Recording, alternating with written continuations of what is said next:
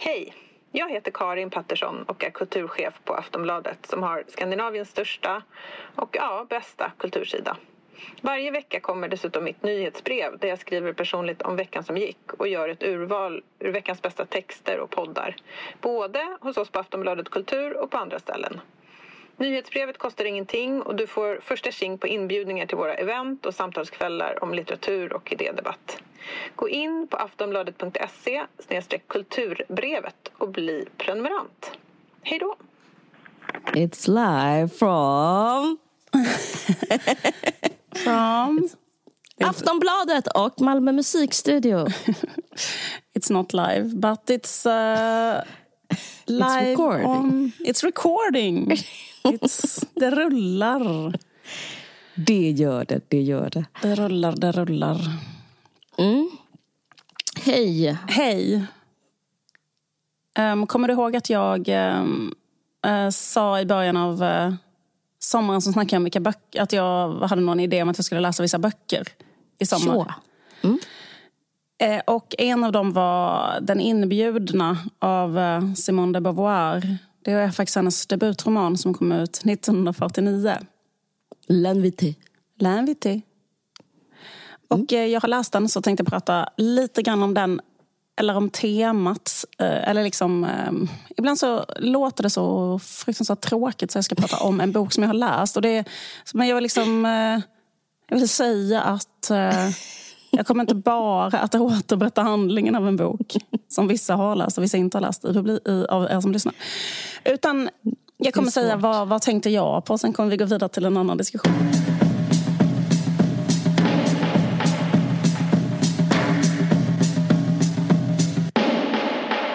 Den inbjudna är en bok som Simone de Beauvoir skrev, hennes första roman. Den kom ut 1949.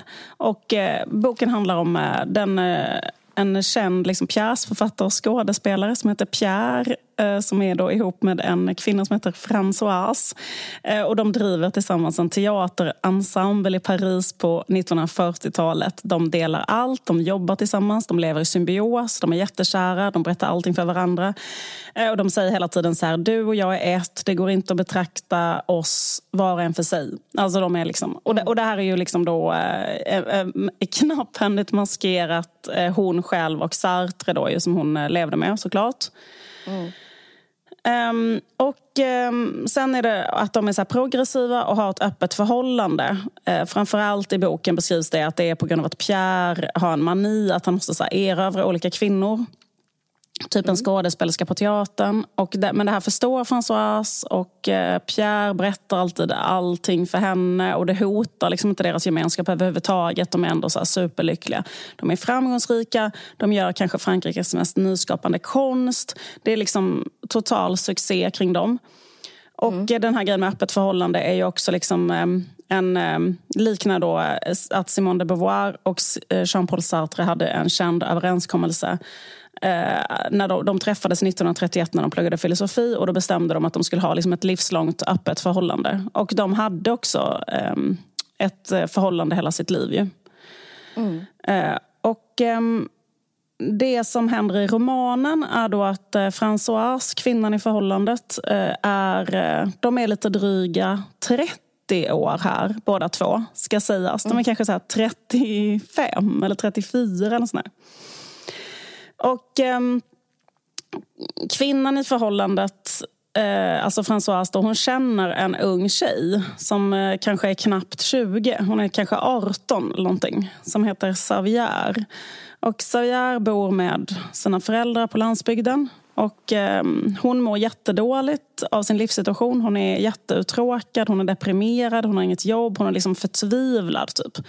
Mm. Men hon känner den här äldre kvinnan som bor i Paris. Och då föreslår, Frans, föreslår Françoise eh, att eh, liksom, eh, Xavier, ska inte du liksom flytta hem, flytta till Paris från din tråkiga håla och bo med oss istället? För de två bor på typ ett billigt hotell. Det här läser man när man läser så romaner om eh, utspelar sig i Frankrike, att folk bor eh, liksom permanent på jättebilliga hotell. Det gör ju Strindberg också i Inferno till exempel. Att det verkar så vara vanligt, kanske var vanligt överallt. Men, men det känns som en sån grej man läser om typ att det var typ en tant driver en... Ja, precis. Och det är så de bor. Alltså de bor på typ ett jättebilligt hotell som drivs typ av en tant. Och så finns det en massa olika rum där. Och där bor folk alltså hela tiden. De bor där alltid. Så var det också i New York när jag var där. Alltså mm. det, det, finns ju en romantik. Jag tror folk håller på med det fortfarande. Men, ja.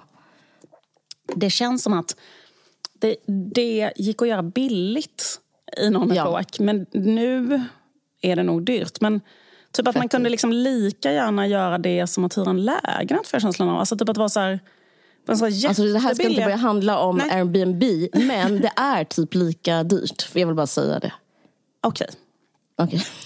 Men jag får känslan av att när de bodde när där... De så var det typ människor som, som var kanske konstnärer och inte ja. ville ägna sig åt att städa och hålla på med mat och inte intresserade av att skapa ett hem kunde bara liksom hyra ett rum. Och jag tror att François... Och typ få liksom halvpension. Visst, liksom. exakt. Ja, det var en hel, a whole life. Verkligen. Men mm. då är det rummet så att det finns vägglöss och liksom, du vet, det är typ eh, ja. jättenedgånget. Men det är liksom en del av grejen. Att det, liksom ett, och det är jättedragigt och sådär. Liksom. Men, men man vill liksom hellre mm. bo... Nu var det säkert inte vägglös här. Men, men, men, men i alla fall, jag, jag får känslan att de, de, de har... Så här, dragigt var det. Det var dragigt. Och det är inrätt efter någon tants smak och så vidare. Men Françoise skiter totalt i såna saker. Det enda hon vill göra är att skriva. Hon vill bara sitta där och mm. skriva. Hon gillar att det är så en eh, blommig liksom, tanttapet. Eh, hon är liksom inte intresserad överhuvudtaget av det här med att skapa ett hem eller eh, få barn eller skaffa en familj. Utan hon vill bara ägna sig åt sin konst och sin symbios med Pierre.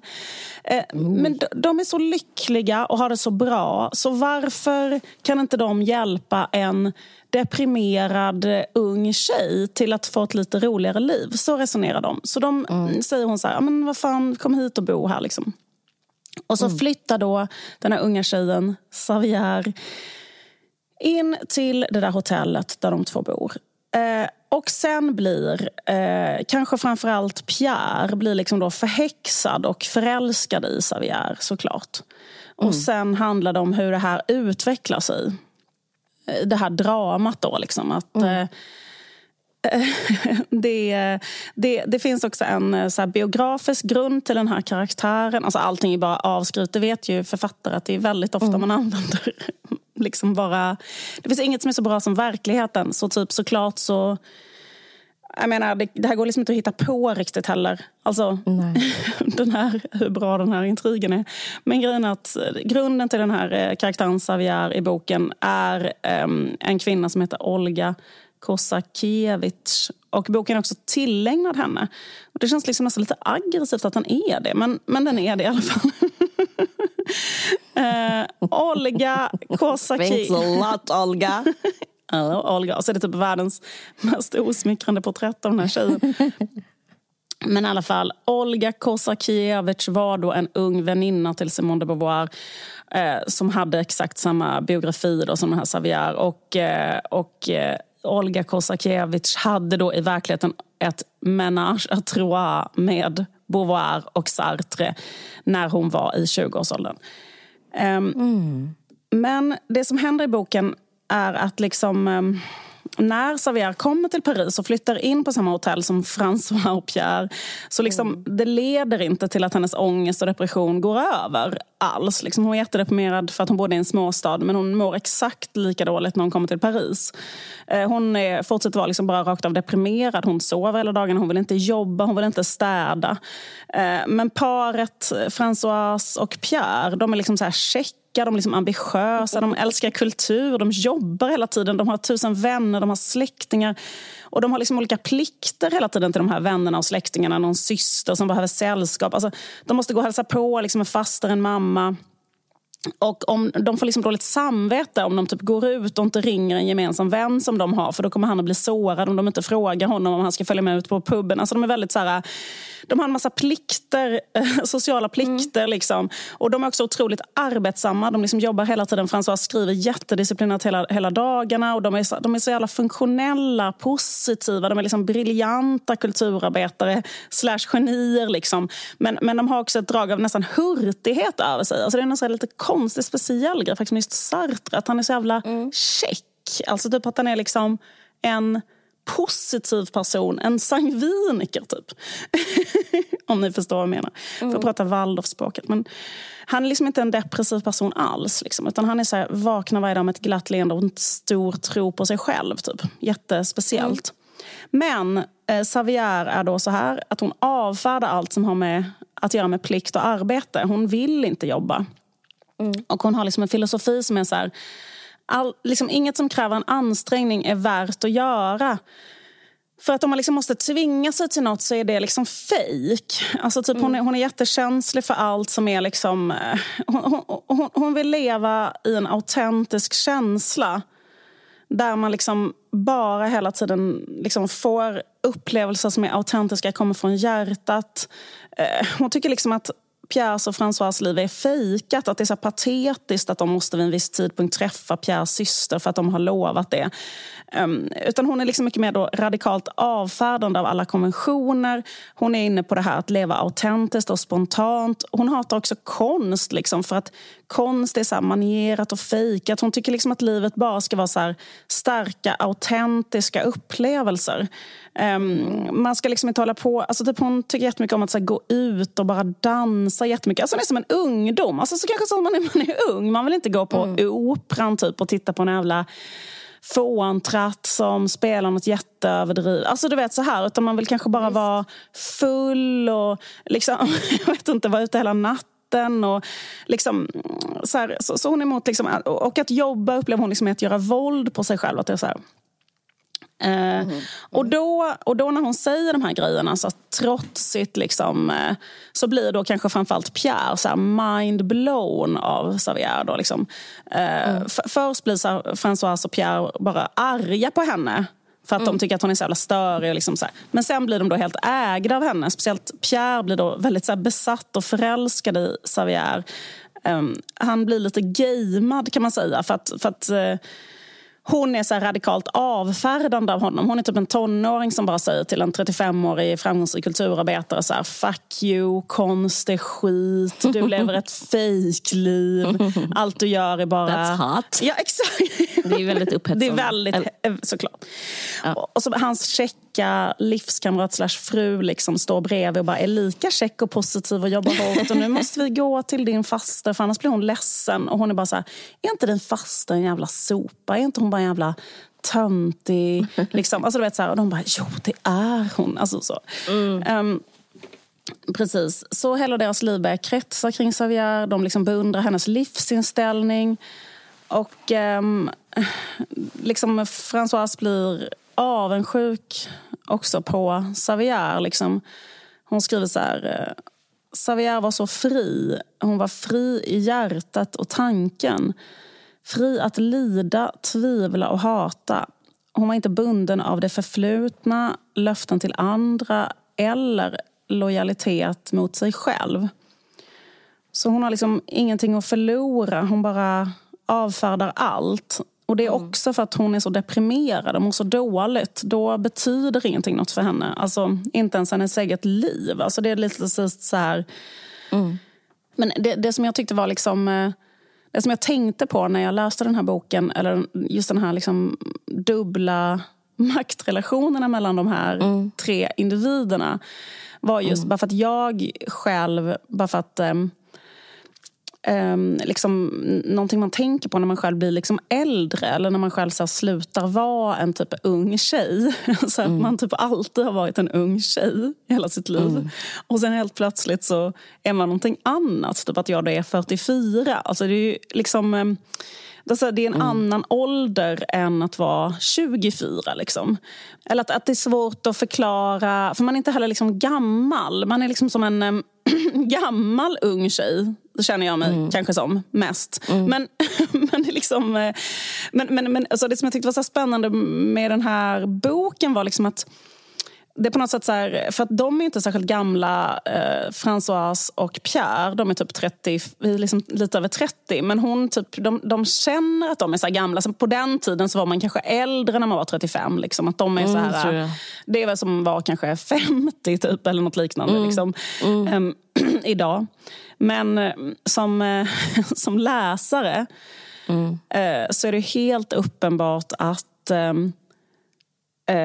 det är Françoise och Pierre som gör fel. Liksom att de att det är helt sinnessjukt att de liksom, vad ska man säga, tar en jättedeprimerad tonårstjej och liksom, vad heter det, betalar hennes uppehälle eh, och liksom typ köper henne i princip för att hon ska vara med i deras menage à trois och hon är jättepsykiskt instabil och hon liksom, alltså det bara känns så här, liksom, och, och de är liksom... Men också att det är inte bara därför, det är ju också fel att liksom göra det Alltså, vad ska man, alltså att intellektuellt underkasta sig, det är ju helt, det är så snö, alltså fel ja. på det. Om, alltså, liksom, att hon ska bli en slags intellektuell guru, det är...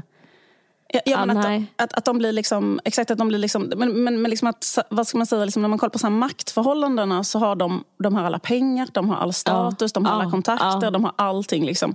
Och, de, eh, och de har liksom eh, ordnade liv och ordnad ekonomi. Allting sånt där. Medan den här unga tjejen har ingenting. Hon har liksom inga pengar, hon har ingen psykisk hälsa, hon har inga kontakter, hon har inga drömmar. Hon, har liksom ingen, hon är bara liksom ett um, deprimerat mess. Liksom, som, mm.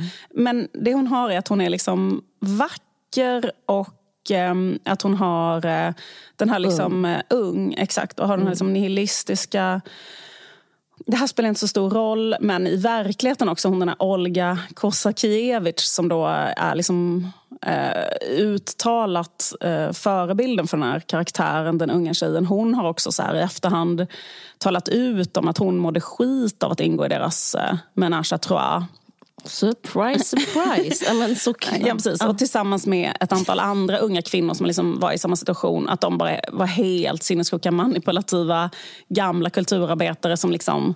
äh, Epstein och Maxwell. Ja, äh, ja. De är lite Gud, så. Det är, jätte, det är jättehemskt. De är lite Ghislaine, ja. Ghislaine Maxwell och Jeffrey Epstein fast make it French. Ja, verkligen precis. Vad, frukt, vad fruktansvärt. Jag, jag vet, det är faktiskt fruktansvärt. Det är helt fruktansvärt. Och det, och det är liksom... Um, um, Vilket skop det här var, Liv. Att de var fruktansvärda? Nej, men typ att det, ja, men att det är, liksom, det är inte klint att liksom ragga upp för unga tjejer för sina egna syften.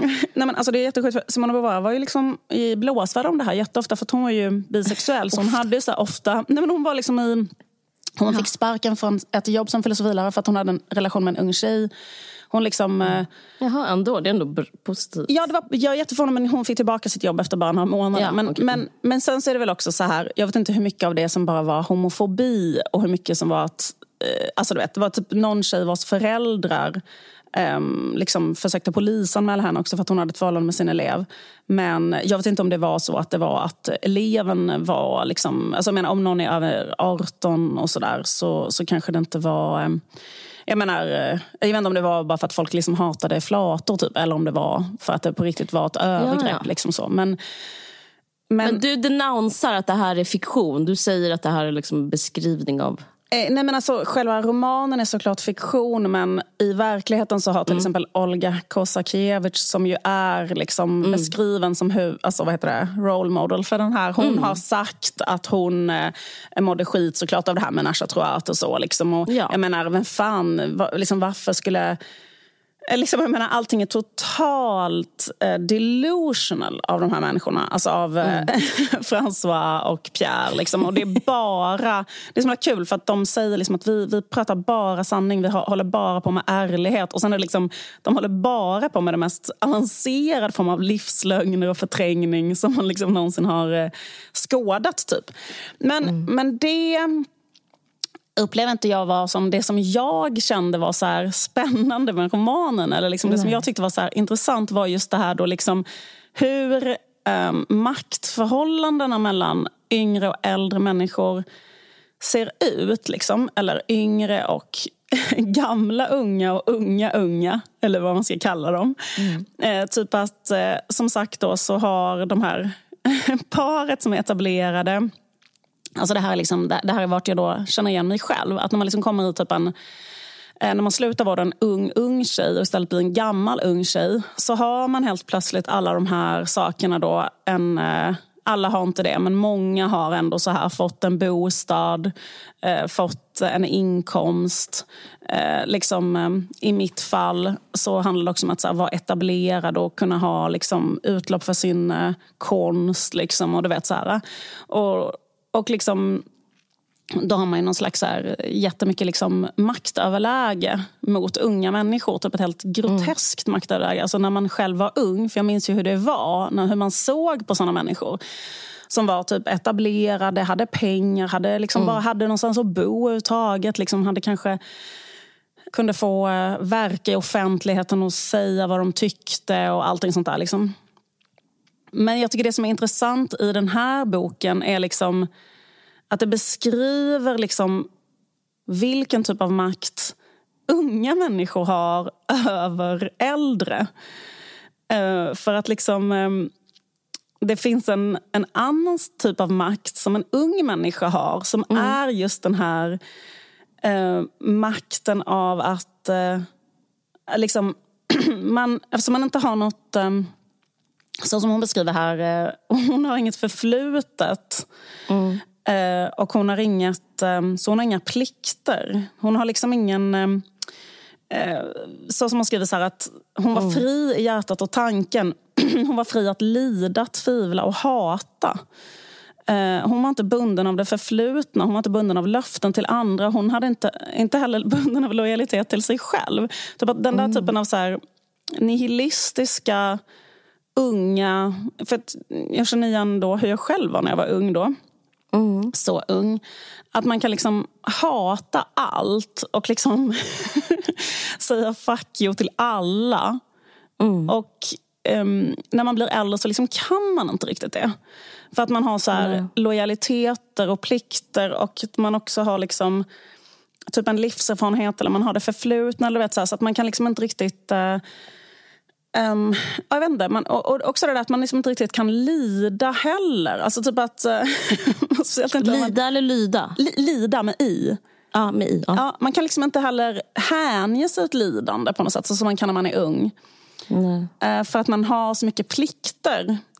liksom gentemot, så här, speciellt om man har barn. Eller, alltså, du vet, så här, mm. Man kan liksom inte bara um, gå lös på en sån typ av liksom, nihilistisk, fri um, eh, sak. Men när man är ung, för jag, tycker, alltså, jag, jag tänker bara så här, på, på, en sak, just att man inte har... Eh, eh jag kommer ihåg när jag var till exempel jätteung och var på Göteborgskravallerna. Det var så här, mm. 2001.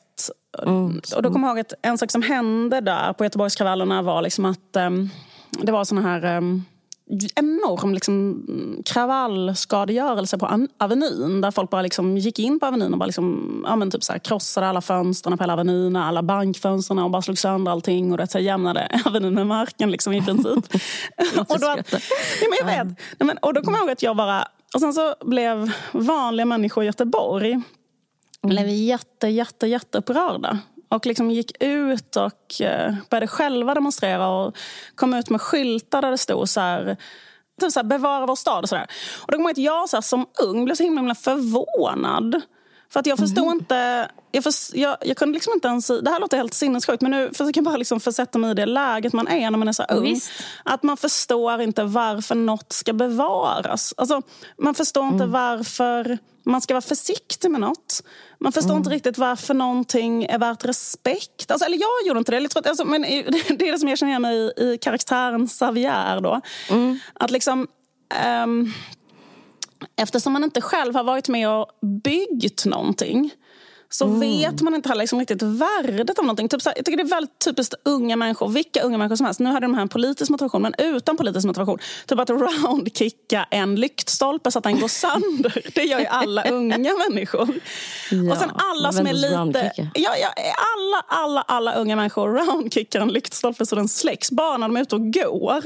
Och så kommer en äldre människa och är så här, varför gör du så? Varför gör du så? Det är någon som har betalat skatt för att det fucking ska lysa en lampa här när folk går hem och nu lyser det inte. Vad fan håller du på med? Liksom så. Eh, kan, kan du förstå att människor har jobbat för att sätta upp den här lampan och liksom, du vet, den behövs och människor kanske ska till jobbet tidigt och det behöver lysa här. Du vet, så um, och själv har man bara så här, vad menar ni? För att jag eh, tycker att allt ska brinna upp. Liksom. Mm. Alltså, typ så.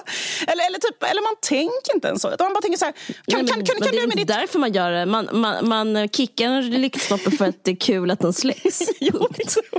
Förstår du vad jag menar? Det du är för djupt. Jag tror bara det är så. Ja. Wow, den släcktes. Kul. Jag klarade det. Just det, precis. Men också lite så, varför är människor upphängda på total skit. Alltså varför mm. eh, alla vuxna är så här, eh, åh ha på dig en struken skjorta nu för det är skolavslutning. Och man bara, men fuck, vem fan bryr sig? Alltså, mm. vet, liksom, om olika konstiga grejer eller att mm. nu ska vi till farmor och du måste ha... Alltså, du vet, så här, att all, allting...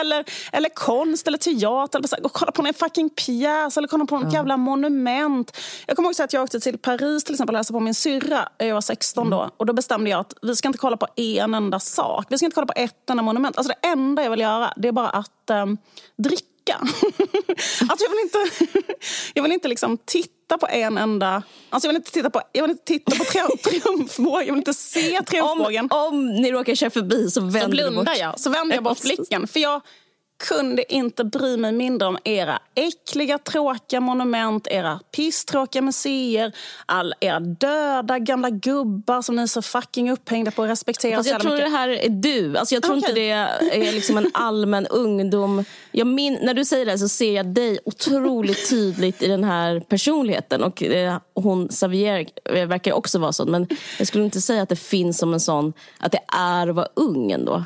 Nej, men okej. Okay. Jag känner inte igen mig i det alls överhuvudtaget. Okej, okej, okej. Men inte alla de, inte kanske de mest extrema sakerna. Men att mm, inte respektera en etablerad kulturarbetare som har jobbat hårt hela sitt liv bara för att han har jobbat hårt hela sitt liv. Inte när man är ung. Nej, kanske inte. Alltså typ så här, Jag kommer ihåg typ att jag hörde nog Henrik Schyffert prata mm. i något sammanhang. Och så liksom pratade han om på något sätt när, hur det kändes för honom när folk dissade honom eller hånade honom och sa att han är en jävla tönt. Typ, eller sådär, mm. liksom. typ kanske på eh, nätet. Liksom, om någon skriver så här, en jävla idiot eller jävla mm. fåntratt. Så här. Mm. Eller typ att du är en fånig eller sådär. Och då liksom att han var så här, och då sa han så här, jag bryr mig inte om det alls för jag vet att jag har gjort, eh, jag var med och gjorde liksom Killinggänget på 90-talet och de har inte gjort någonting. Typ så här, jag vet mm. att jag mm. gjorde mm. om, jag vet att jag ritade om kartan för hela humor Sverige och gjorde något otroligt nyskapande, högkvalitativt. Och det kan ingen ta ifrån mig och de har inte gjort ett skit. Ja liksom. men absolut. Um, absolut. Men det lustiga är att när man är ung så säger man bara, om någon skulle säga det, så säger man bara typ Alltså man bara skrattar, man bara hånskrattar åt en sån gubbe. Alltså, jo men det är skönt för Henrik Schyffert ju. Jo, det, det, är ju det som är det. Exakt. Men precis, men, men liksom, jag bara menar den här spänningen. Typ att så här, en, liksom, varför skulle jag så här, pay respect till att någon har gjort någon skittråkig grej på 90-talet. Fan bryr sig? Alltså, det är så här, något som inte är kul okay. ens en gång längre. Liksom, alltså, du vet, man bara så ah, det var det tyckte du var bra och det är du stolt över. Alltså, det var så här, eller så, så är hon, eh, mm. Xavier, mot liksom Pierre som då är en jätte eh, hyllad, framgångsrik fruktansvärt och älskad i boken teaterman, i verkligheten filosof och författare. Liksom. Eh, men, men hon är bara så här... Liksom, eh, vem fan är du? Du håller på med ditt jävla fejkliv och mm. tycker att du är så mm. viktig och gör den här konstiga... Liksom så här, medan mm. medan liksom livet handlar om att gå ut och få en autentisk upplevelse av någonting och liksom inte liksom hålla på att låtsas någonting i en bok. Eller, alltså, sådär, liksom. Visst. I alla fall så um, bara kände jag liksom att det var intressant att se liksom... Jag vet så här, hur det känns att vara ung. Så där, liksom. mm. Och sen nu börjar jag typ så här, men, typ så här, men sen är det så intressant när man är då på andra sidan och blir ägd av den här unga nihilistiska att det är en typ av sak som man helt plötsligt så är man inte den utan man är då den andra personen. Mm. Mm. Uh, och, um, och just att då kan man liksom, eh, eller i, i den här boken, eh, mm. var, varför jag tyckte om den så mycket. Mm. Det som jag tyckte var så intressant är att den beskriver känslan som gammal att bli ägd av den här unga energin. så här, jag, jag, jag, jag, ska bara eh, läsa lite liksom, hur det känns då för hon den här eh, Françoise, hon är 35 år. Så. Xavier drog blickarna till sig i den ljusa vidarmade blusen. Hon var röd om kinderna och det lyste om henne. Hon var vacker.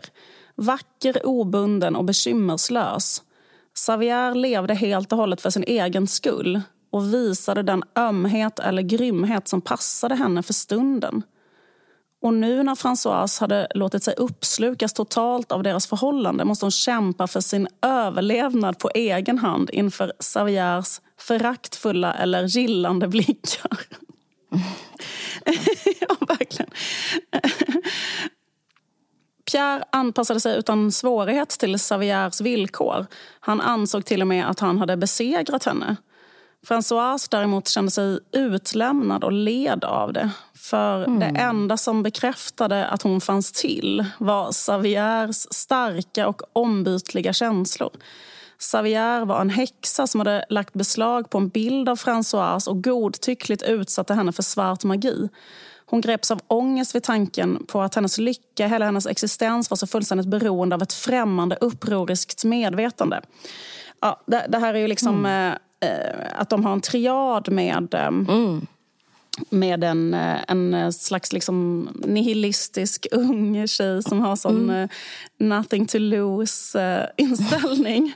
men, mm. men, men jag tycker liksom att så här, en sak att fokusera på är ju så här, bara, åh, vad, vad händer på riktigt? Och så, men en annan, ett, ett annat sak tycker jag att var så här, liksom en, en slags all, allegori, liksom, mm. deras eh, mm. triad. Mm. en slags allegori över liksom, någon slags här maktförhållande mellan generationer. Liksom. Mm. Där det är, så här, det är helt uppenbart så här, de, den makten som den här äldre liksom, generationen har över henne. Mm. Men att de känner sig så här, de känner sig helt ägda av den här liksom, eh, um, upproriska, nihilistiska helt ja, fria medvetandet. Liksom. Och de själva kan inte längre vara, man har inte tillgång Nej. till att vara så fri för att man har så himla mycket man måste skydda och bevara. Liksom. Absolut. Eh, och, och därför så liksom, eh, om man kollar på det så här mer allegoriskt i samhället, att man liksom lever i någon sån slags eh, Eh, på liksom, allegorisk triad mellan generationerna. typ eller något sånt där, liksom, mm. att det är så här, mm. Och sen också att det finns där liksom, att eh, han, mannen, har ett begär mm. till den här unga kvinnans kropp. Och liksom, kvinnan mm. har också ett begär till den unga kvinnans kropp. Mm. Alltså, mm. typ att um, båda två är på något sätt ägda av henne. Och jag, jag tänker liksom att det var en allegori också för liksom hela vårt samhälle typ idag. är så här, Jag pratade om det här i eh, förra avsnittet av Stormens utveckling. Mm. Men eh, det är liksom bara typ att det liksom pratade om teorin om att så här, typ den unga tjejen um, mm. har blivit så här, väldigt mycket liksom ett um, typ ett kärl för vart liksom, vad ska man säga, typ hur liksom så här, konsumtionskapitalism liksom eh, marknadsför sig själv genom eh,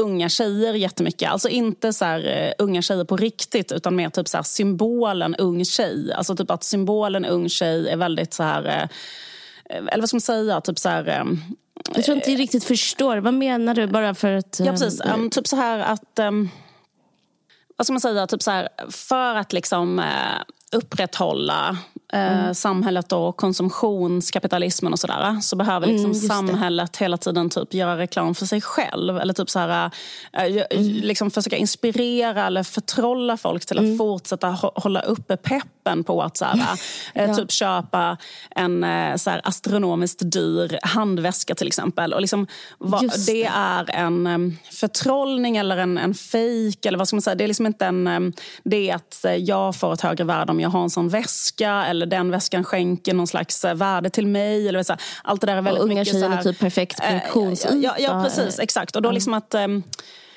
Eh, jag läste en eh, bok som heter eh, Theory of the young girl mm. towards a preliminary the material of theory of a young girl av en aktivistgrupp som heter Tikkun som skrev det 1999. Men i alla fall, mm. de liksom skrev att typ um, idag, så liksom det sättet som konsumtionskapitalismen fortsätter att förtrolla och förföra mm. liksom hela mm. samhället mm. görs genom um, symbolen eller typ mimet eller vad, vad he, du fattar, typ figuren, the young girl. Det är inte en riktig ung tjej. För ja, typ en typ objektet. Ung, objektet, liksom. ja, eller typ så här, ja, men den påhittade karaktären, en ja, ung ja, tjej. Det, typ så här, alltså ett, ett rörligt objekt. Drömmen liksom. om, eller, liksom, eller vad ska man säga, så liksom typ unga, en ung kvinna. Jag förstår exakt. Ja. Eh, eh, ung kvinna blir en vara som fortsätter, vars jobb är att återförtrolla folk in i konsumtionssamhället.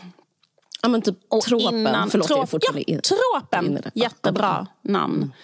Tropen ung tjej. att vara typ en bekymmersfri, vacker, um, vad ska man säga, ung tjej, att den liksom, um, vad ska man säga, förförande kraften yeah. i den tråpen uh, ska förtrolla folk till att så här, piska liv i liksom, den döda hästen av konsumtionskapitalism och make it fun, typ. Alltså hela tiden. För liksom, uh, det kanske egentligen inte är kul att så här, jobba Verkligen. extra hela dagarna på, efter, liksom på kvällarna efter skolan för att ha råd att köpa uh, någon jävla väska. Ja, Exakt, precis. Men för att det är för att göra det... Vakna, lossa... du måste... Du måste ut och köpa ja, ja, ja, ja, ja, men precis. Men, men då är det liksom att uh, den unga tjejen, tropen eller så, ja. uh, jobbar numera då med att um, uh, piska på den här döda hästen och det här jätte, jättetråkiga livet som det egentligen är. Att så här, ägna all sin tid åt att eh, jobba, försöka köpa dyrare och dyrare saker, känna sig osäker, känna sig ful, känna att man... Ett, ett, ett, ett um, helt liksom otillfredsställbart begär. Typ att när man har köpt en sak en sekund senare vill man ha en annan sak, sen en sekund senare vill man ha en annan sak. Och sen så liksom att Eh, man är liksom, men liksom typ att det, det ska liksom hålla igång det där suget. Liksom. Och då, är, då har de liksom teorin om att det är alltså the young girl som är liksom, eh, eh, vad ska man säga, som är liksom den nya... den, här, den här texten också blivit så kritiserad för att vara misogyn. Men liksom, eh, och liksom, så det får man liksom på något sätt... Men, det tycker jag inte det låter eh, nej, men, uh, nej, precis. Uh, exakt. Uh. Det, men den, men den, Tvärtom låter det befriande från de bojorna som den unga tjejen Just det, precis. Exakt. Eh, för, för att, eh, jag, jag, pratade med den här boken om, någon, uh. om den här boken med någon och så sa den personen så här Uh, fan, jag undrar om det liksom är vanligt nu för tiden att så här, filosof, uh, framgångsrika filosofpar typ håller på och groomar tonåringar och försöker liksom få in dem i ett menage à trois. Uh, och, och, man bara säger nej, det känns inte alls som någonting som händer idag. Eh, det känns väldigt ute, eller man ska säga, att hålla på kanske med ett sånt experiment där liksom typ en framgångsrik filosof i Sverige idag skulle inte göra det. Eller typ en framgångsrik författare. Det känns liksom som vi är inne i en annan era. Liksom. Men, men det som den här boken typ allegoriskt beskriver där den helt plötsligt blev så jävla aktuell på ett jättekonstigt sätt eller kunde beskriva känslor som man själv kan ha. Um, det tyckte jag var att den beskrev liksom lite grann att man lever i ett slags... Just den här tropen, the young girl, mm. um, är så um, dominant i samhället idag. Och Den har bara blivit så tusen gånger mer dominant sen 40-talet. Mm. Och, uh, och det kan ibland nästan kännas som att man själv och ens eh, partner lever liksom ett påtvingat menage à trois med en young girl. Fast det är liksom i samhället. Förstår du vad jag ja. menar? Man lever i, en, ja. i ett menage tror jag, med tropen young girl där man själv också ja, är... Um, liksom så här. Och, um, och jag, jag, ska bara läsa en, en liten bit av, uh, som där jag tycker att det beskrev den här känslan av att leva i ett påtvingat menage jag, med en young girl. um, För länge sedan hade Xavier bara utgjort en bråkdel av François liv. Men nu hade de blivit det enda som var verkligt och det enda som återstod av François var en bleknad avbild. Alltså att man är en bleknad avbild av den här idealkvinnan. Eh, Xavier fanns till med en självklar styrka som hade trollbundit Françoise och den hade förlett henne att ge Xavier företräde och utplåna sig själv. Det hade gått så långt att hon såg platser, andra människor och till och med Pierres leende med hennes ögon. Alltså hon ser på allting genom den här unga tjejens ögon. Nu uppfattade hon bara sig själv med Xaviers känslor och försökte smälta samman med henne. Men det var omöjligt och ledde enbart till att hon förintade sig själv. Eh, alltså, för den här boken handlar liksom om att eh, liksom hon, blir, hon, hon upplever själv att hon blir utplånad av det här andra medvetandet eller att det medvetandet koloniserar henne och gör att hon själv eh, förstörs. Liksom. Det är så roligt, för det är så det är eh, att leva i samhället. Jag vet, och det är så det är att leva i samhället. Exakt. ja. liksom att typ så här, man tror att man har en egen... Så här, det, det, det är också en jättebra... Eh, Simone de Beauvoir är en sån otroligt bra skönlitterär författare. Helt sinnessjukt bra som skönlitterär författare. Och, det, är samma, det är därför hon är stor, för att det går att läsa hennes, tan alltså, ja. hennes tankar ja. är um, iklädda ett perfekt språk. Men, men, uh, men jag skulle bara säga, för att i början av den här boken så, uh. är hon, så skriver hon om sig, alltså bara som en himla, himla klockren uh. beskrivning av hur Françoise är och mår. Liksom innan hon träffar den här unga tjejen så, så känner hon sig så här som att hon uh, en sak hon säger är att hon aldrig tänker på sitt eget utseende. Hon tittar sig aldrig i spegeln. Och mm. om hon någon gång får en glimt av sig själv i spegeln så blir hon positivt överraskad. Så det, är så här, mm. det där är så himla bra liten kort beskrivning av så här, en människa som mår bra. så här, mm. typ att man liksom, man, hon, hon, hon, är så lycklig och trygg och arbetar så mycket och har sitt otroligt meningsfulla liv och sina otroligt meningsfulla relationer. Så att hon, det, det är helt uh, perifert då, liksom, hur mm. hon ser ut. Och ibland så ser hon lite grann i oj, där var, där var jag, vad härligt. Liksom, typ. Men, liksom, men sen så liksom det här ehm, medvetandet, det här trygga, glada medvetandet hon har blir då liksom ehm, utplånat av den här främmande makten som kommer in i deras förhållande. Och den gör mm. att hon börjar ehm, för, själv förstöras typ. Och eh, hon börjar då se allting, även sig själv. Och de två börjar se på sig själva utifrån den här unga tjejens dömande blickar. Och de blir liksom helt eh, ägda och helt fackade. Och eh, det var liksom bara... Det var bara ett... Eh, det var bara en... Den bara känd, det bara kändes så som en sån samtida beskrivning av att leva i någon sån uh, late capitalism. det jag tänker på, alltså det är sant det du säger om uh, kapitalismen, att det är liksom en så, ett kugghjul kanske mm. man ska säga då, eller jag bara sammanfattar. Mm. Men det jag, det jag tänker osökt på är den här diskussionen som har varit om så här kultur, eh, alltså varför är det bara unga tjejer som skriver kulturen? och jag ska inte prata så mycket om det, men mer att, att det är samma, alltså det är också en, eh, jag ska försöka koncentrera mig, eh, det är också en spegling, eh, inte bara av liksom kapitalismen och en allergi, all, allegori för vår, liksom, hur de här liksom, ekonomiska kugghjulen går runt, utan också liksom som en eh, kulturen, alltså den som liksom, om man kan ställa den lite utanför kapitalismen, liksom, eh, den, de svenska kultursidorna. Att det, liksom, de, det bygger på samma eh, färger och temperatur och liksom eh, attityder. Alltså det, det bygger också på tråpen om en ung tjej väldigt mycket. Och, för jag tänkte på det under en hela, det har varit en debatt, jag vet inte om du ens, vi har aldrig pratat riktigt om det här med att män, det har varit en debatt om män och kvinnor som det skriver på kultursidorna. Mm, jag, jag, har inte riktigt äh, hängt med men, mm, ja, men jag vet vad det handlar om. Ja. Och den är inte mega intressant nej. i sig. Liksom, eh, eh, det har också varit lite diskussioner om så här, varför vann två tjejer Augustpriset på, på raken. Mm.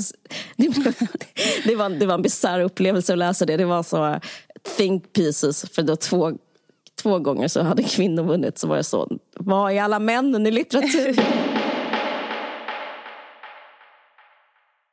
så det är liksom inte så här eh, att eh, unga tjejer på riktigt typ, till exempel har makt i samhället eller äger grejer eller bestämmer grejer. För så är det ju inte. Då hade liksom ingen... Då, då det först, om, kvinn, om unga kvinnor hade tagit makten i samhället. Det första hon hade gjort då, kvinnan då, var att ja. förinta tropen young girl. Så man kunde få lite vila. Ja, vad fint sagt. Det var ju väldigt utopisk, vacker tanke. Jag skulle, vet vad jag trodde att jag skulle säga? Att om, en ung kvinna, om unga kvinnor verkligen skulle få makten i samhället så det första de skulle göra skulle vara att förinta sig själva. Det var så jag trodde att de skulle säga. Det första de skulle göra var att avgå. typ att eh, nej, nej. skära sig i handlederna och sluta på sitt jobb. nej, jag tror att då skulle ja. man typ så gå med så rinnande mens kring benen och typ eh, inte göra något. Alltså typ så här, chill, chilla, chilla hårt. För ja. det är liksom motsatsen nu. Nu är det bara liksom ett arbete. Ja, just det. Det är ett slags um, arbete. Exakt, ett slags uh, liksom, ja. uh, li, liksom dygnet runt-arbete. Ja. Verkligen.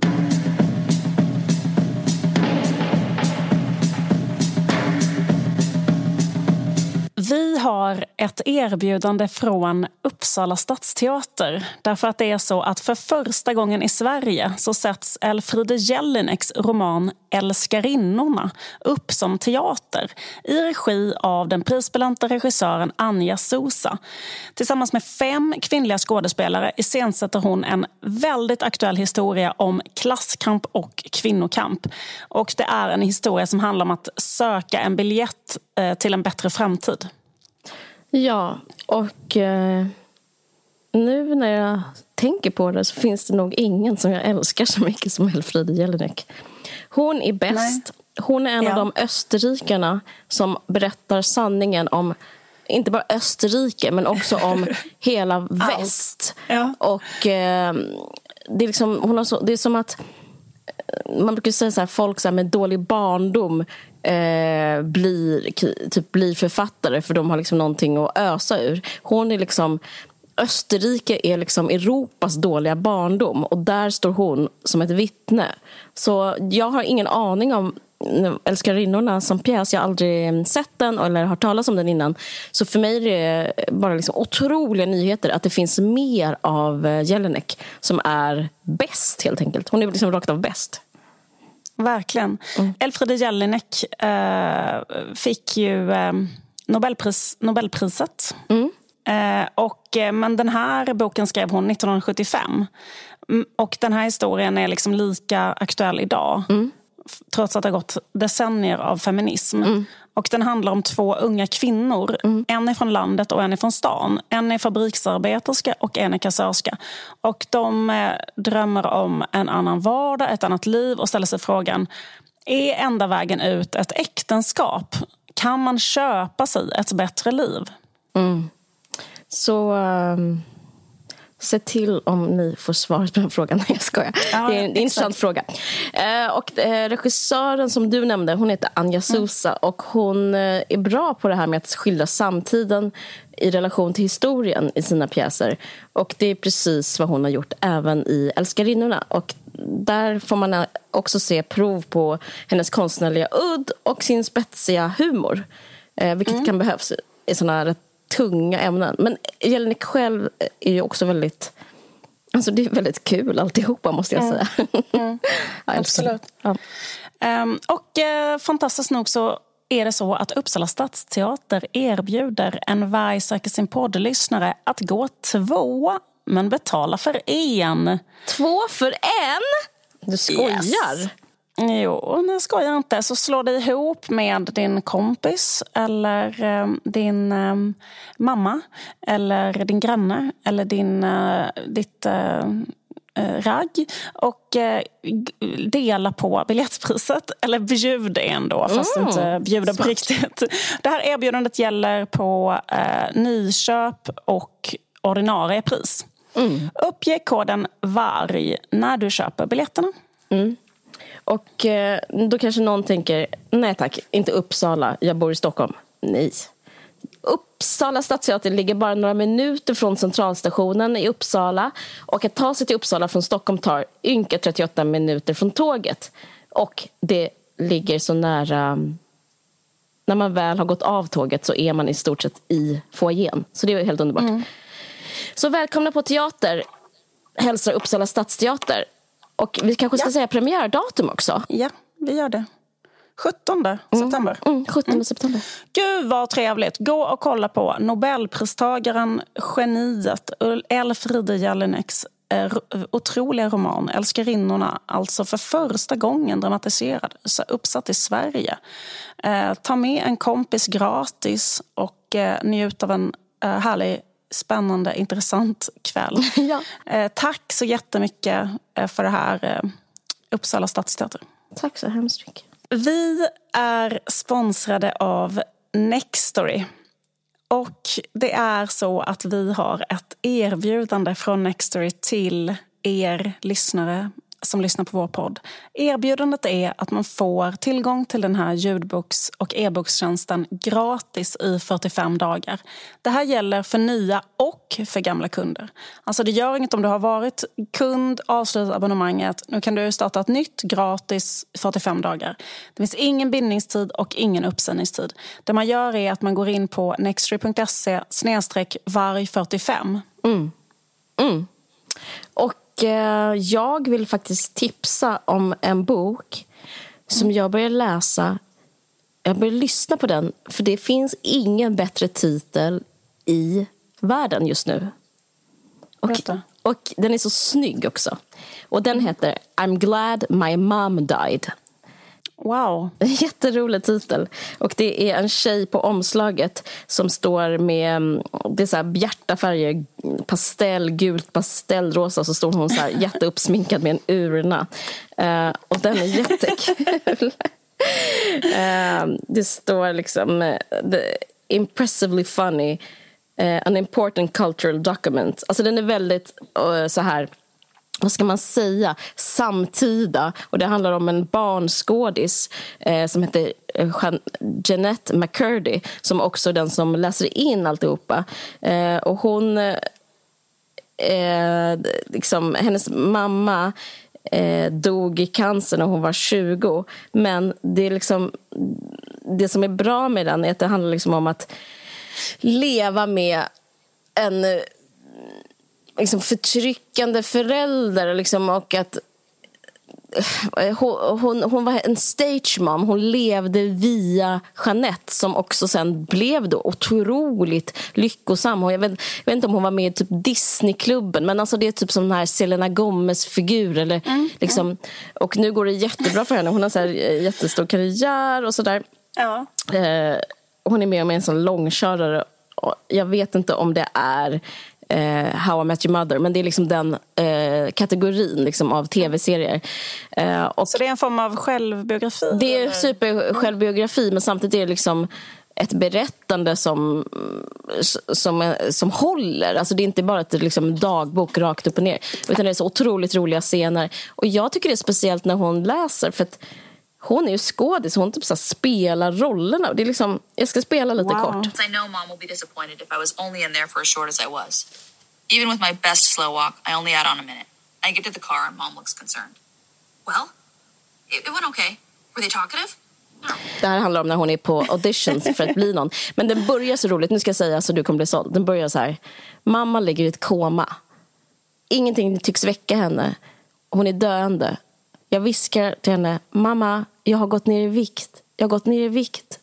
Jag har lyckats gå ner i vikt. Hon vaknar inte och jag förstår att det verkligen är illa.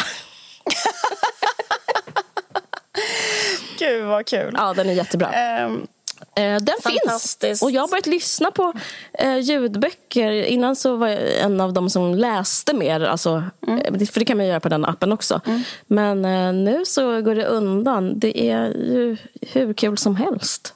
Ja, så helt enkelt så är det så att man kan få 45 dagar gratis, ingen bindningstid, ingen uppsägningstid. Det här gäller för både nya och gamla kunder.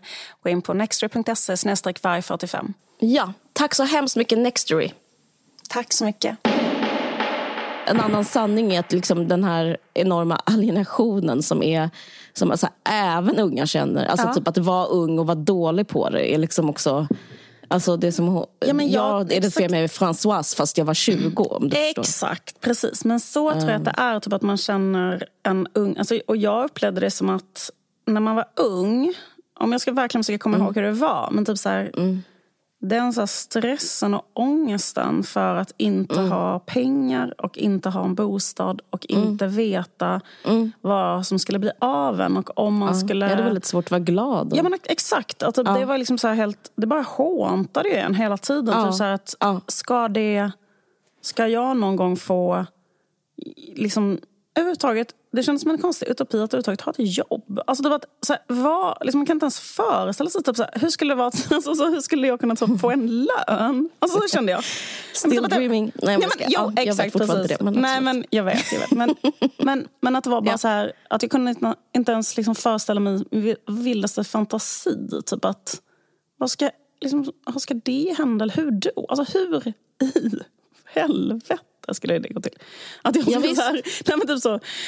Um, och sen så löser det sig för de allra flesta människor. Men man vet inte riktigt hur det, hur det ska lösa sig. Och det är den ångesten, om man är lite sådär eh, ångestlagd åt ångesthåll så är det bara en, ett jävligt, jävligt, jävligt plågsamt.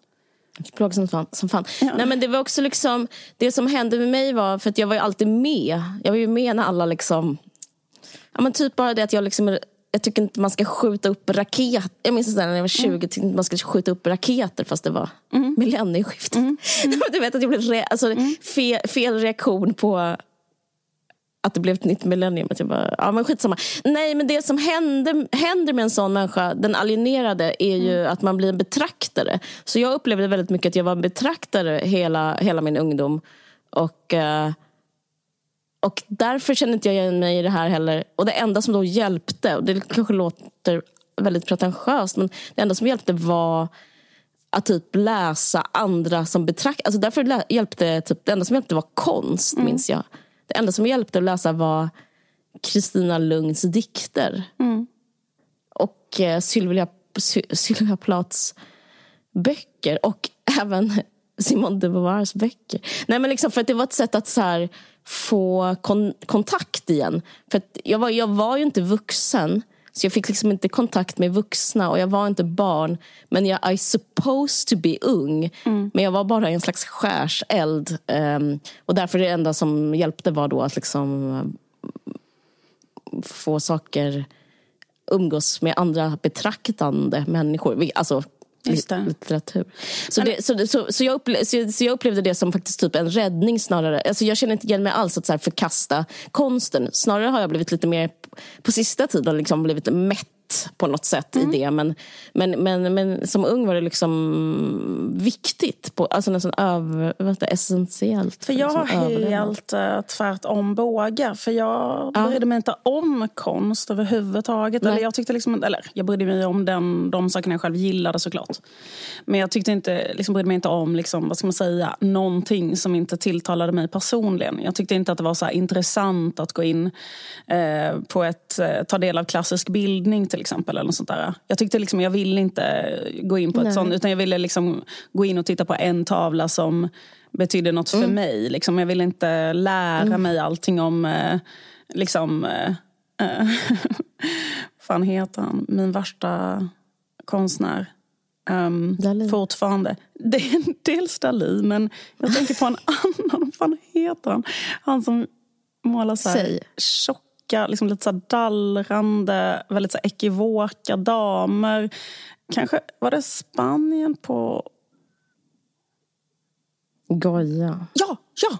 Tro, eller? Vänta. Det skulle kunna vara... Men det är samma ballpark. Eh, men Goya gör ju också lite... Jo, men alltså typ att han gjorde också lite såna här... Um, oavsett så... Velasquez kanske? Mm, det var inte El Velasquez eller Greco, exakt precis. Det är liksom lite någon av dem. Skit i det. Men, eh, jag, men, för jag ser fattar. nu här, när bildgooglar går jag säger att han också har gjort ganska mycket så lite groteska, hemska. Och jag tänker mest på att han, om han hade en period när han bara ritade så här, damer och var han var lyckligt kär. Det, jag tror det är det, att han, han gifta om sig och då började han göra så här liksom underbara kvinnor istället. Jag måste läsa hans Wikipedia-artikel.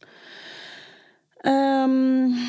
Ja, men det jag skulle säga den här liksom Eh, den här, eh, det som var den första parentesen var att, liksom att den här normen som du pratar om som driver kapitalismen eh, eh liksom framåt är eh, också som en jag upplever det som en, liksom en vad ska man kalla det, missuppfattning eller en norm eh, som också finns in, inom kulturen och typ kulturmedia eh, och särskilt i Sverige. Mm. I Frankrike är det inte så, men typ att för då finns det liksom som en trop även där som är den, så, jag tror typ Alltså jag har varit den och jag tror du har varit den också. Alltså den här att vara så här ang, arg ung tjej. Alltså mm. exakt som hon, vad heter hon i boken den, på S? Precis. Om Savier skulle få en krönika. Mm. Ja, då precis. är det Ja. Förstår du vad jag menar? Ja, det är så vår ja. kulturmedia ja. ser ut. Att Savier har fått en krönika. Och då är det så och då är det liksom nästan sexuellt laddat. För det är så attraktivt med någon som, någon som hatar en. Ja. Så bara, säg att jag är dålig. Säg att jag är dålig Savier. Exakt. Du är, är som... dålig. Du är... Och kommer inte ihåg det här? Det är jag som att du var verkligen att... utsatt för det. Ja. Det här att vara så här. Någon gubbar. vill att du ska säga att gubbar... Jag ja. hatar gubbar. Förstår? Ja. När var det här? Kanske 2014? Visst. Säg att du hatar gubbar. Liv Strömquist. Ja. Säg det.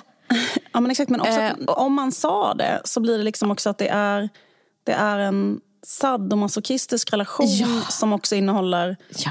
eh, njutning. Typ att säga så här att eh, Filip och Fredrik är jättedåliga och ja. de ska dra åt helvete. Ja. Då det, finns det också liksom en konstig... Eh, liksom, alltså det här var ju då kanske på, i början av, eh, ja, liksom i början av liksom 2010-talet. Alltså kanske unga tjejer sa det. Ja. Och exakt precis. Och då är det liksom både att bli... Alltså den kulturarbetaren man ska säga, som är äldre blir både så här kränkt och besatt och Alltså ja, det blir det liksom en dubbelhet där, där man liksom lever i någon slags sån konstig... Det, det är olja i maskineriet. Ja, det är det, att, liksom, att, så här, äh, att vara så här... Äh, men jag tycker det är att underskatta alla. Jag tycker det är att underskatta liksom, eh, den unga tjejen ja. som säger det. Mm. Eh, objekten, alltså gubbarna. Mm. För gubbarna är inte såna och den unga Nej. tjejen är inte såna. Nej. Nej. Och jag eh, var också en gång en ung tjej på en kultursida. Mm. Och jag minns det här. Jag minns det som igår. Jag var 19. Jag började skriva för kultursidorna. Jag började på DN och jag mm. började på Sydsvenska Kultur. Och de refuserade fyra grejer. För jag var som, vad ska man säga, jag, jag älskade det här programmet. Alltså, jag älskade Knesset, jag älskade Flipper, jag älskade... Mm. Alltså jag upplevde mig själv som kanske, att jag kände mig som Erik Haag mm. kanske. Mm. Och därför ville jag också säga en spaning om spaghetti ja. typ kanske. Ja. Ja. Så här var det då att vara ung tjej. De refuserade fyra grejer och de tog den femte. Mm. Och efter ett tag började jag se ett mönster. De ville att jag skulle skriva sjuka saker. Ja. Gränslösa saker. Ja. Generaliserande påhopp ja. om folk i kulturvärlden. Ja. blev alltid antaget. Eh, att skriva att någon med hög status har fel på ett mm. raljant sätt. Mm. Det sa de alltid ja till. Mm. De sa alltid ja till om jag representerade en ung generation som pekade ut en äldre generation som förlegad. Mm. Det var liksom, eh, det var som att det var en sån eh, harmoni. Liksom. Det blev harmoni på kultursidan. Ja. De hade inget emot att jag skrev könsord i texten. De hade emot att jag inte gjorde det. jag bodde liksom i Malmö men jag upplevde mig själv som en blind hund som skällde proppad med steroider fastkedjad med den tjockaste kedjan. Också när jag fick rabies, alltså när jag blev äldre, sköt de mig. och det var, jag minns det, när jag frågade om jag fick skriva om böcker istället. Då sa de, det har vi folk för. Mm. Um, så men det, när jag slutade skriva, för jag mådde så psykiskt dåligt av det här. Det var mm. sista jag skrev och det jag ångrar mest. Och det här, det var ungefär tio år sedan. Det var helt fruktansvärt. Det var när jag skrev om Lukas Moodysson och hans fru. Men när du skrev den äh, texten. Ja. Um, liksom hur... Uh, för de som inte kommer ihåg det så var det att du gjorde en intervju med Lukas Moodysson och Koko och så skrev du väldigt raljant och elakt och roligt om hur de var. Att de var så här... Uh, ja, men du skrev ju Nej, jag, jag, var inte, det, var, det var inte elakt, men det det var, och mm. det var inte raljant heller, men det var, var att det var kritiskt mot att jag kritiserade hela hans värv. Mm. och så skrev jag, och så blev jag, det var liksom det mitt brott, för det, mm. var, jag, det var något fel. Jag, jag, tycker att det var fel det jag gjorde. Det, mitt brott var att jag blev inbjuden i deras hem. Mm. Och jag blev liksom som att jag blev vän med dem. Mm. Och jag skrev om och jag skrev om hur det, liksom, diskrepanser mellan deras fina liv mm. och eh, livet eh, han skildrade på film sen. Just det. Eh, och så skrev jag så här, vad han borde göra för mm. konst. Bara det tycker jag är helt sinnessjukt som en kritiker, kulturskribent eller någon att säga vad någon borde göra. Men handlar inte det här lite grann också om den här grejen? Jag tycker i och för sig att du har på ett sätt, alltså för att det är liksom Sen mm. så, alltså vad ska man säga, mänsklig smärta och depression och lidande och sånt kan man mm. ju liksom känna även om man bor i en jättefin bostadsrätt. Mm. Och han kanske identifierar sig Verkligen. då själsligt med typ en porrskådis som, eller vad han nu skrev det tror jag han gör. Ja men exakt, förmodligen. Mm. Uh, och vem gör inte det som gör yes. konst? För det är liksom exakt så det känns hela tiden. Alltså, jag menar såklart, liksom, hur mycket pengar man än har så känner man sig alltid som en sån... Men, alltså, jag ska inte överdriva, så är det ju inte riktigt. Men, men det är liksom... Mm. Men, menar, men, men det som du, det, men liksom någonting med det perspektivet du hade i den texten, det var väl också lite grann det där ung versus etablerad. Typ att bara känslan, alltså hur hett man själv önskar sig en bostad. Ja, och hur ofta man tänker på det. Och sen går man in jag bodde typ ju en... olovligt då at the time i en eh, studentlägenhet. Alltså jag typ så här fusk, jag, jag fejkade att jag var student och bodde där. Ja, ja precis. Och sen så går man in i en, så här, en etagebostadsrätt. Då blir man ju liksom helt svart i hjärtat och det är inte bra att man är så.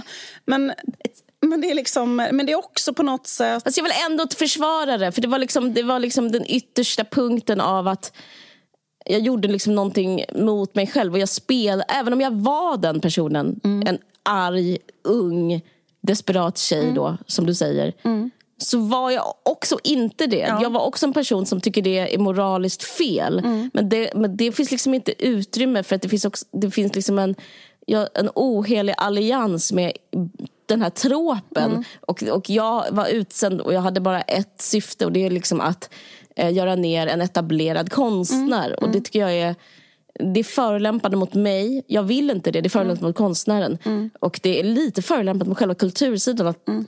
liksom, att inte vara bättre än så. Och det deppiga, jag tycker det fortsätter. Jag tycker så att arga unga tjejer är så här, bränner broar. Mm. Alltså det, det är liksom en så här, ett regelbundet inslag i tidningen. Att mm. så här, nu ska vi bränna broar. Mm. Och så liksom, jag tycker det är lite så mini-ofräscht. Kan inte då en, en av de fast anställda kan väl i alla fall börja bränna broar istället ja, för de frilansande ja. tjejerna. Mm. Jag tycker det är typ ett Uh, vad ska man säga? Det är som så här, ar, ett smutsgöra. Ja. Det är liksom så här, det är så här, uh, Ja precis, men det är som i, i gängkriminalitet att de under 15 får typ ha, bära vapnen för att eh, liksom, nej men så här, att man låter de minsta och dummaste göra de grejerna så man själv inte behöver riskera straff. Alltså så är det ju såna, alltså så här, jag menar, ja. i, men det är lite samma logik liksom typ att så här, kan inte du, så då, kan inte du skjuta den eh, personen? Ja. Kan inte du skjuta, gå iväg och skjuta ja. det här andra barnet? Men how about att en ung tjej får skriva om förintelsen? How about it? Alltså förstår du vad jag menar? Ja men precis, jag förstår vad du menar det, det, det, det är sant. Sen är det också så här, alltså typ att den där grejen att, jag, jag skulle så, bara men, säga men, att det här maskineriet ja. med, med den här tropen, att den är så skadar även det, alltså det, alltså antagligen har liksom kulturen kopierat kapitalismen. Mm. Men, men den, den, är ju helt konstruerad skulle jag mm. säga. Det är därför jag också vill säga jag känner inte igen mig i den. Och liksom inte ens eh, och på kultursidan där, och varför skriver unga tjejer? Det är liksom också för att det finns en konstruktion kring mm. den arga unga tjejen. Mm. Som, eh, som är destruktiv. Mm. Precis. Men det är också så här, för, för på ett sätt så tycker jag liksom att den där liksom ilskan, den där energin, liksom, den mm. är också så himla... Alltså just den profiteras på. Ja, precis. Den profiteras på. Men den är också...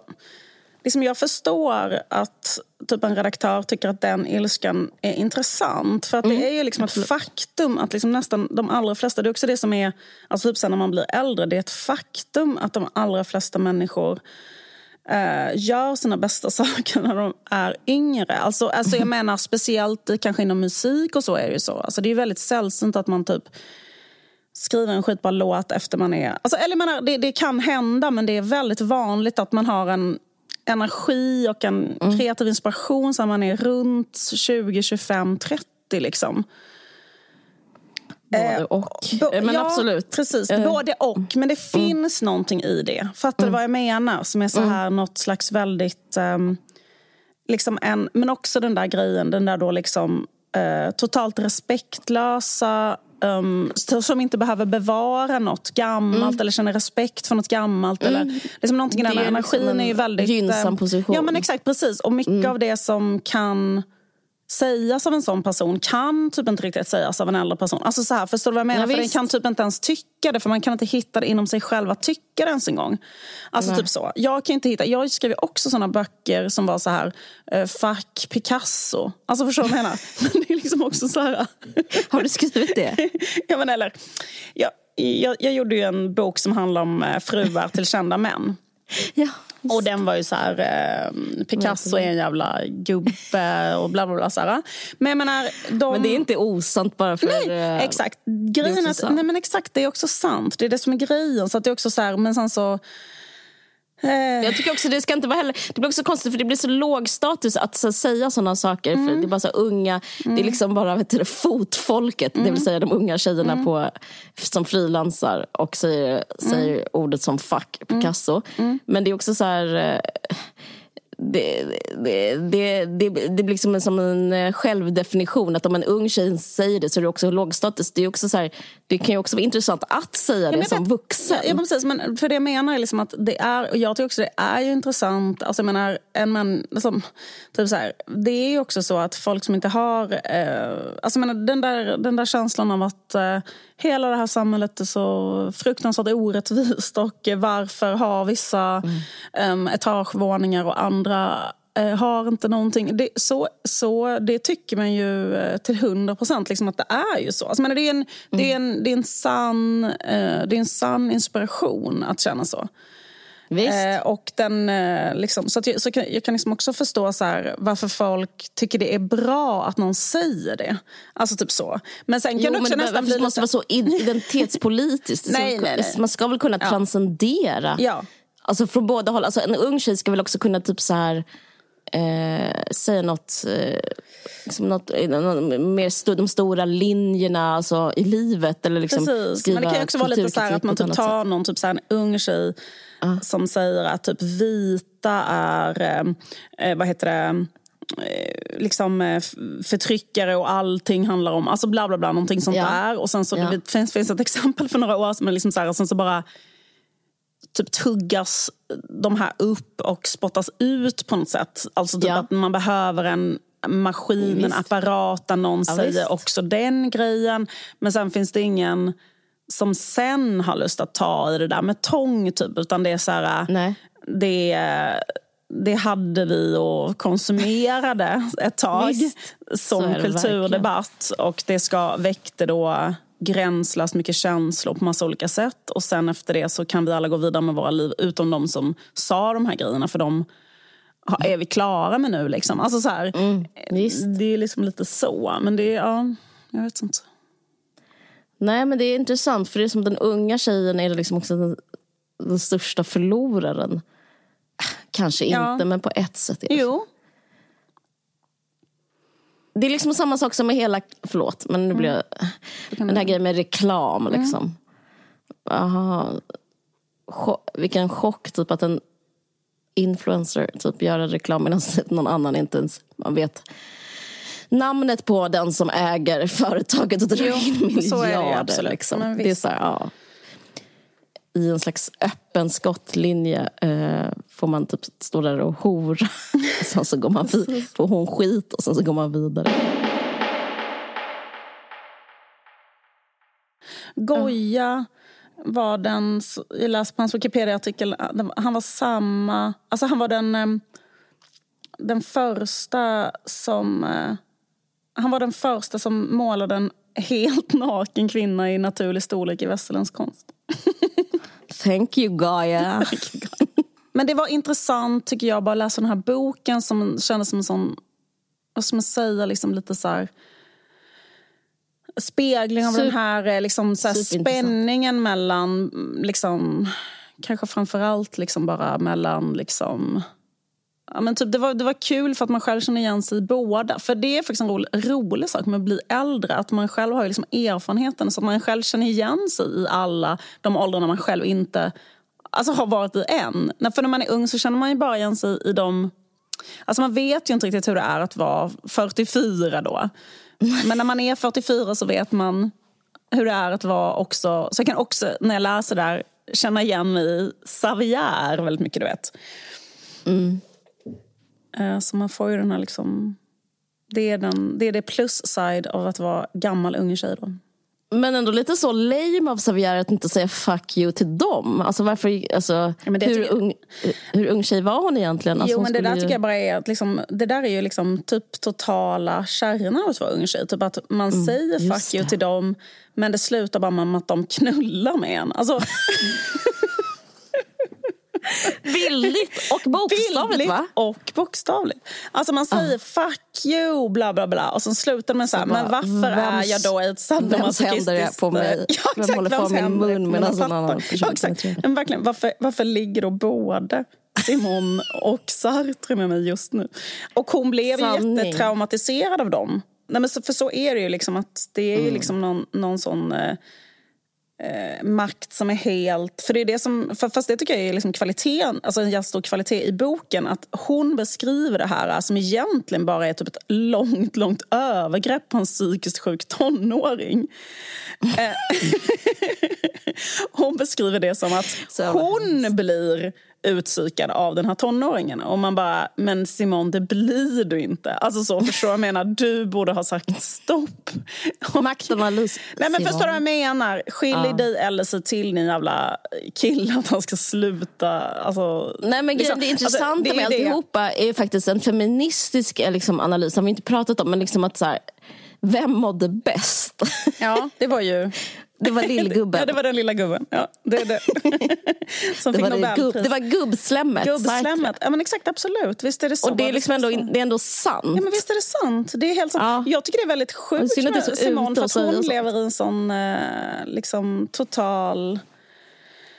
Fast man, man, men jag tycker, alltså, om man läser Simons böcker nu så är ju detta eh, men, men typ eh, då den här som du pratade om i, under förra året, de oskiljaktiga, oskiljaktliga mm till exempel. Mm. Alltså typ I den boken så är det också så här, man förstår ju varifrån hon kom. Alltså hon kommer från en borgerlig familj där man blir tvingad in i äktenskap. Hennes väninna blir tvingad att gifta sig och sådär. Så att jag menar, ja. för henne var ju liksom, hon behövde vara så här Eh, nej, eh, borgerlig moral, mörda människor. Vi ska leva i ett öppet förhållande. Alltså hon, hon, Fast den handlar ju också om hur hon är psykad av en ung tjej. Bara då att hon var själv var ung at the ja, time. det är sant. Det är sant. Det är verkligen sant. Men jag bara menar liksom att man förstår varför mm. hon var tvungen att liksom, vad ska man säga, förkasta alla borgerliga ideal och normer och så och försöka gå till motpolen. Alltså, man förstår det, ju det ja. utifrån hennes egen biografi.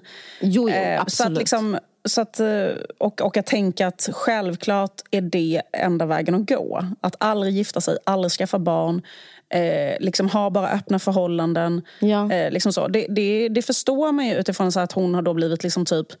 Eller i princip levt i sånt eh, som liknar sån eh, bortgifteskultur i princip. Alltså, Visst. Men den boken som jag läste den skrevs ju väldigt sent. Ja. Eh, om det var den senaste. Och den tycker jag är fin på det viset. För den var nästan som att hon då efter har levt det här antiborgerliga mm. livet kom fram till att hon, har, hon mådde som bäst i en, uh, i en barndom i en katolsk skola. Det, ja, det är jättekul. Det är liksom att det var där var hon...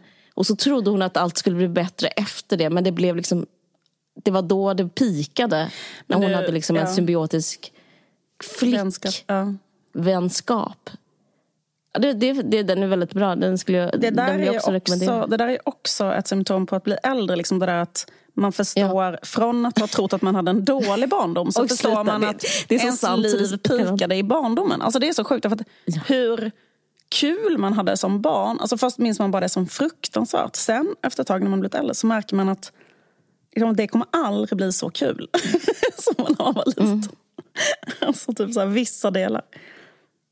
Ja, det är en fruktansvärd barndom. Men jag, jag tycker att eh, mellan... Eh, men, det var, men känslan av att tro på tiden som linjär känner jag igen. Att så här, först händer det och sen så efter det så blir det liksom mer eller som en karriär. Alltså mer så här, det blir bättre och bättre och bättre. Det typ är att bli äldre tycker jag. Att förstå att det inte blir bättre och bättre och bättre. Mm. Förlåt.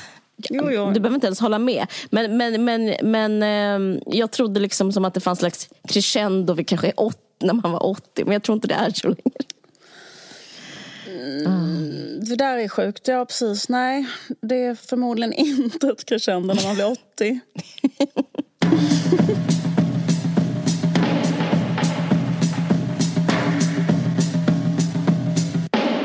Man kan förbeställa min bok signerat fram till den 15 september. Eh, för det blev lite fel förra gången jag sa det. För då kom podden ut på fredagen och så tog det slut eh, på måndagen. Men nu så har de förlängt.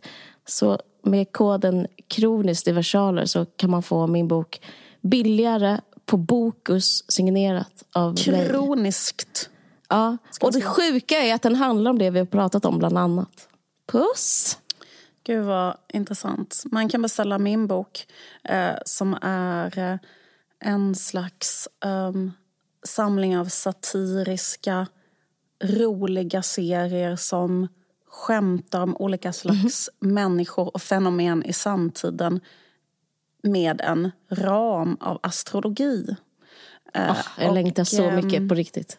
Den heter Liv Strömquist astrologi och den kan man också nu, den liksom, jag vet att den finns nu i fysisk form så att det borde så säkert gå att köpa den lite grann som helst. Ja, okej. Okay. Tack för att ni lyssnade. Tusen tack för att ni lyssnade. Ha det bra. Puss och kram. Hej, hej. Hej då.